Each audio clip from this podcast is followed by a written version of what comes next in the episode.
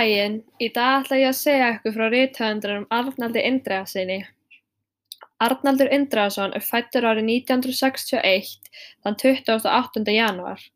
Foreldrar hans eru Þórunn Ólöf Friðriksdóttir og Indriði G. Þorsteinsson. Faðir Indriða var einnig rithöfundur og skrifaði meðal annars bókina Land og synir. Arnaldur stundaði nám í Háskóla Íslands og lærði þar sagnfræði en inn á milli var hann einnig blaðamaður. Til þess að segja ykkur aðeins frá því hvernig hann lítur út þá er hann sköllóttur og með sífellt andlit að mínu mati. Síðan er hann einnig alltaf í leðurjakka.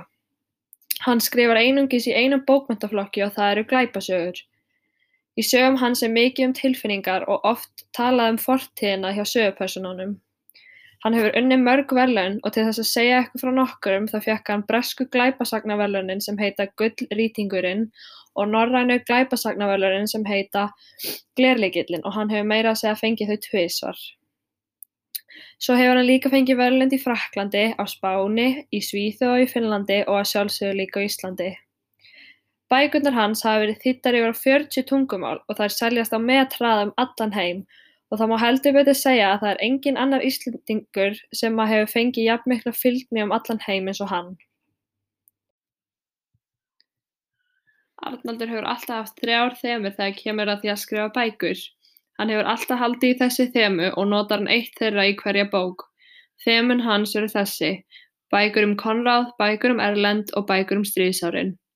Bækurnar sem eru um Konráð heita Myrkri veit, Stúlkan hjá brunni, Tregasteinn og Þagnamúr. Þegar við tölum um þetta þema þá er allt skrifað út frá Konráði. Konráð er fyrrvændi lögreglumæður sem á erfitt með að skilja við starfið.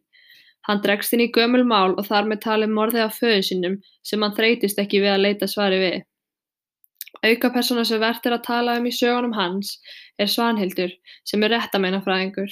Hún og Konráð eiga í leynilegu ástasambandi þótt hann eigi konu. Hér kemur umfjöllun um tvær bækur sem fjalla um Konráð. Í bókinni Myrkri veit þá finnst frosi lík sem fast var í ísinn á langjökli Það kemur í ljós að það er lík af manni sem hvarf fyrir þrjátíu árum. Konráð er þó kallaður inn vegna þess að hann sá um hvarfið á sínum tíma. Máli hefur verið óleyst í öll þessi ár og það hefur elt hann allan þennan tíma. Í Þagnamúr gerist svo sagan eftir stríðsárin. Þá dregst Konráð sjálfurinn í sína eigin rannsókn um morðið á föðu sínum. Annar gamall lögreglumæður vekur upp spurningar um atburði dagsins þegar faðir Konráðs var myrtur og spyr hvers vegna Konráð laug á sínum tíma. Á sama tíma dregst hann inn í aðra rannsókn á líkfundi í Reykjavík þar sem beinagrins fannst múruð inn í steinvegg í húsi. Þema nr. 2 voru bækur um Erlend. Bækurnar um Erlend eru Einvíið, Reykjavíkur nætur, Camp Knox, Sinir duftsins, Dauðarósir, Mýrin, Grafaþögn, Röddin, Kleifavatn, Vetrarborgin, Harðskafi, Myrká, Svörtuloft og Furðustrandir.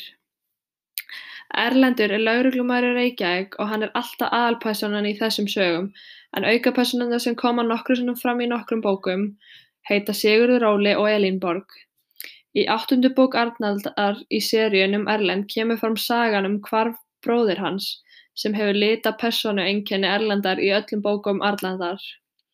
Þó snýst dæmið við í níundu og tíundu bók hans, sem heita Myrká og Svörtuloft, þar sem Erlendur verður ekki aðalpersonan heldur verða það Elínborg og Sigurður Óli. Þau verða aðalpersonan í sikkori bókinni. Erlendur kemur síðan tilbaka og þá verður hann aftur aðalpersonan. Hér kemur umfjöllin um tvær bækur sem fjalla um Erlend. Sinir duftsins er bók sem hefur þemað um Erlend. Það er fjörutíu ára maður sem ákveður að stytta sér lífið og fremja sjálfsmorð á spítala í Reykjavík en á sama tíma brennur eldri maður til kaldra kola og, og tengist hann hinum einstaklingnum. Eldri maðurinn var kennari mannsinn sem draf sig.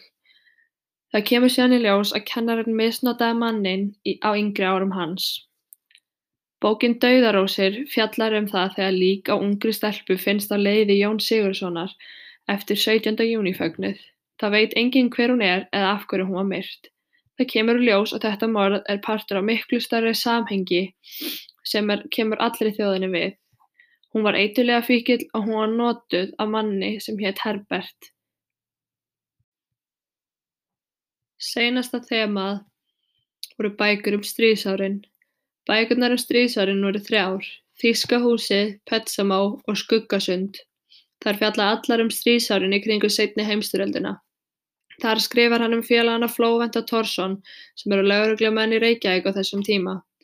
Þessa bækur lýsa áhugaverðan hátt, hernámsárunum í Reykjavík og því valda ójafnvægi sem ríkti í samfélaginu. Hér kemur umfyllun um tvær bækur sem fjalla um stríðsárin. Bókin Petsamó gerist og fjallar um seinni heimstyrjöldina, en í henni finnst sjóreiki lík af ungum manni við strendur Íslands.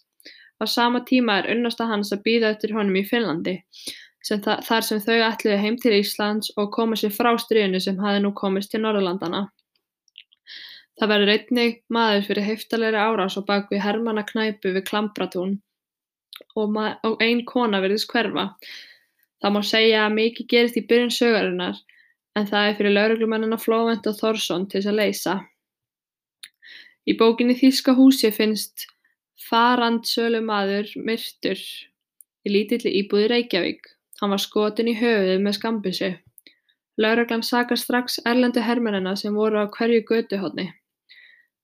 Þeirra samskipti við heimafólk var ekki gott og sérstaklega ekki við konunnar. Hér eru aftur Flóvent og Thorsson sem koma inn og hér einnig sagt aðeins frá þeim. Flóvent er reyndari en Thorsson og var, var hann eini maðurinn sem sinnti rannsóknarlögreglumálum í Reykjavík, en Thorsson var vestur íslenskur hermaður og hann var meira í glæparannsóknum. Öll verkin hans hafa þessi sameili einkenni. Hann skrifar alltaf um rannsóknarlögreglumenn og það er oftast lík sem finnst í byrjun hverrar sögu og þá er það annarkvort Erlendur, Konráð eða tvíegi Flóvent og Þórsson sem eru kallaði til málsins, svo það er svolítið sem ákveður hvað þema bókin mun hafa. Allar sögur hans eru glæpasögur og út frá því myndi ég segja að þetta fellur undir postmodernísk einkenni vegna þess að í því taka þeir beinskeittast afstöð til samfélagsins og þær fjalla mjög oft um að fletta ofan af einhverri spillingu. Rannsóknarlögreglurnar þurfa alltaf að leysa ákveðna ráðgátu. Arnaldur blandar oft samfélagsmálefnum líðandi stundar inn í söguna sínar, til dæmis eins og stöðu sjávarútvegsins og kvótakerfisins, stöðu innflytjenda á Íslandi, fordóma og kynþáttahatur. Sögur Arnaldar gerast á raunverulegum stöðum og gætu þær alveg eins verið sannar og það gerir mann spenntari.